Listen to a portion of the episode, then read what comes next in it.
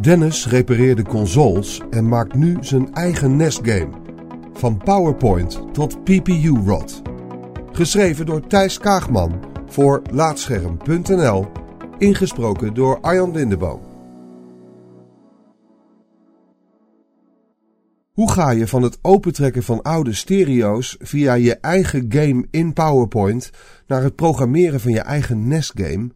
Dennis deed het en hield er een fantastische hobby en zelfs een carrière aan over. Stel, je bent 15 jaar oud en je koopt op de rommelmarkt tijdens Koninginnedag een NES, maar bij thuiskomst blijkt het apparaat kapot. Dan kan je bij de pakken neer gaan zitten, maar je kan ook kijken of je hem zelf kan fixen. Dat is wat Dennis deed. Ik had het geluk dat we net van een inbelverbinding naar ADSL waren overgestapt, dus ik kon op internet opzoeken wat ik moest doen, vertelt hij. Daar stond uitgelegd dat ik een verbindingsstukje op het moederbord even moest inknippen. Vijf minuten later stond de NES weer tevreden te brommen onder de televisie en was voor Dennis een nieuwe hobby geboren. Zo'n 15 jaar later spreek ik Dennis in zijn woonkamer, omgeven door oude consoles, losliggende moederborden, schroevendraaiers en allerhande apparatuur. Het is echt iets wat ik in mijn vrije tijd doe, zegt Dennis, die in het dagelijks leven designer is bij een gameontwikkelaar. Ik struin regelmatig over rommelmarkten en dan kom ik thuis met een tas vol oude troep. Ook zijn er gameshops die mij wel eens bellen of ik een console kan repareren in ruil voor te goed bonnen. Kan ik er weer games van kopen? De NES en SNES komen waarschijnlijk het meeste binnen, maar af en toe ligt er ook een obscuurdere of juist een heel moderne console op zijn werkbank. De oplossing voor het probleem is meestal gewoon op internet te vinden en met een beetje basiskennis van console-hardware kom je dan al heel ver. De PS4 Pro waar hij dagelijks op gamet heeft hij bijvoorbeeld kapot gekocht en zelf gerepareerd. Eigenlijk is er maar één probleem dat hij niet kan repareren. Veel oude Super Nintendo's blijken uiteindelijk last te hebben van PPU-rot, ook wel de SNES-plague genoemd. De processor is uniek voor de SNES, maar bij PPU-rot vergaat hij als het ware van binnenuit.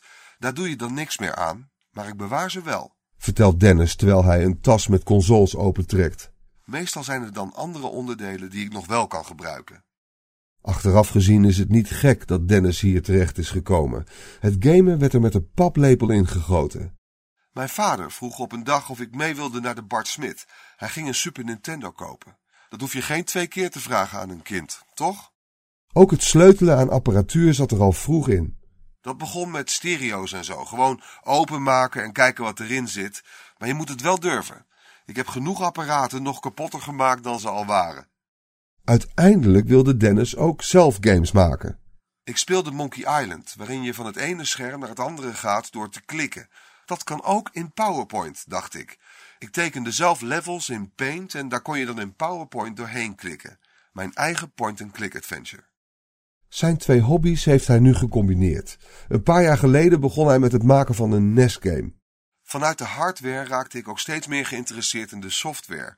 Met een vriend ben ik toen begonnen aan onze eigen NES-game, met de werktitel Knappe Vent 2. Hij trekt een etiketloze NES-cartridge tevoorschijn waar een gat in is gezaagd om eenvoudig bij twee chips te kunnen die op het moederbord gemonteerd zitten. Je kan tegenwoordig voor een paar euro het moederbord kopen dat in elke NES-cartridge zit. Deze twee chips bevatten vervolgens de game die ik erop kan zetten via een USB-apparaat.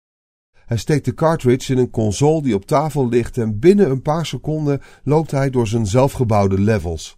Kijk, onze game is gewoon speelbaar op elke NES. Vet toch? Programmeren doen ze dus gewoon op een moderne computer in een moderne programmeertaal. De heren gebruiken een programma dat de code omzet naar een code die de NES begrijpt. Ik heb zelf ook nog een toeltje gemaakt om collision data visueel te programmeren waarna het wordt omgezet naar code. Legt Dennis uit. Verder kan je alles wat je wilt weten gewoon op internet vinden. Het moet uiteindelijk een soort survival horror game worden. Je loopt door verschillende levels waarin je monsters te lijf gaat en als je ze allemaal hebt verslagen, kan je alle loot meenemen naar je kamp en het daar upgraden. Dan kan je met de dingen die je hebt gevonden in level 1 weer door naar level 2 enzovoorts. Dat klinkt best geavanceerd voor een NES-game, maar Dennis heeft in principe te maken met dezelfde restricties als ontwikkelaars destijds. De hardware is hetzelfde, dus ik kan niet ineens meer.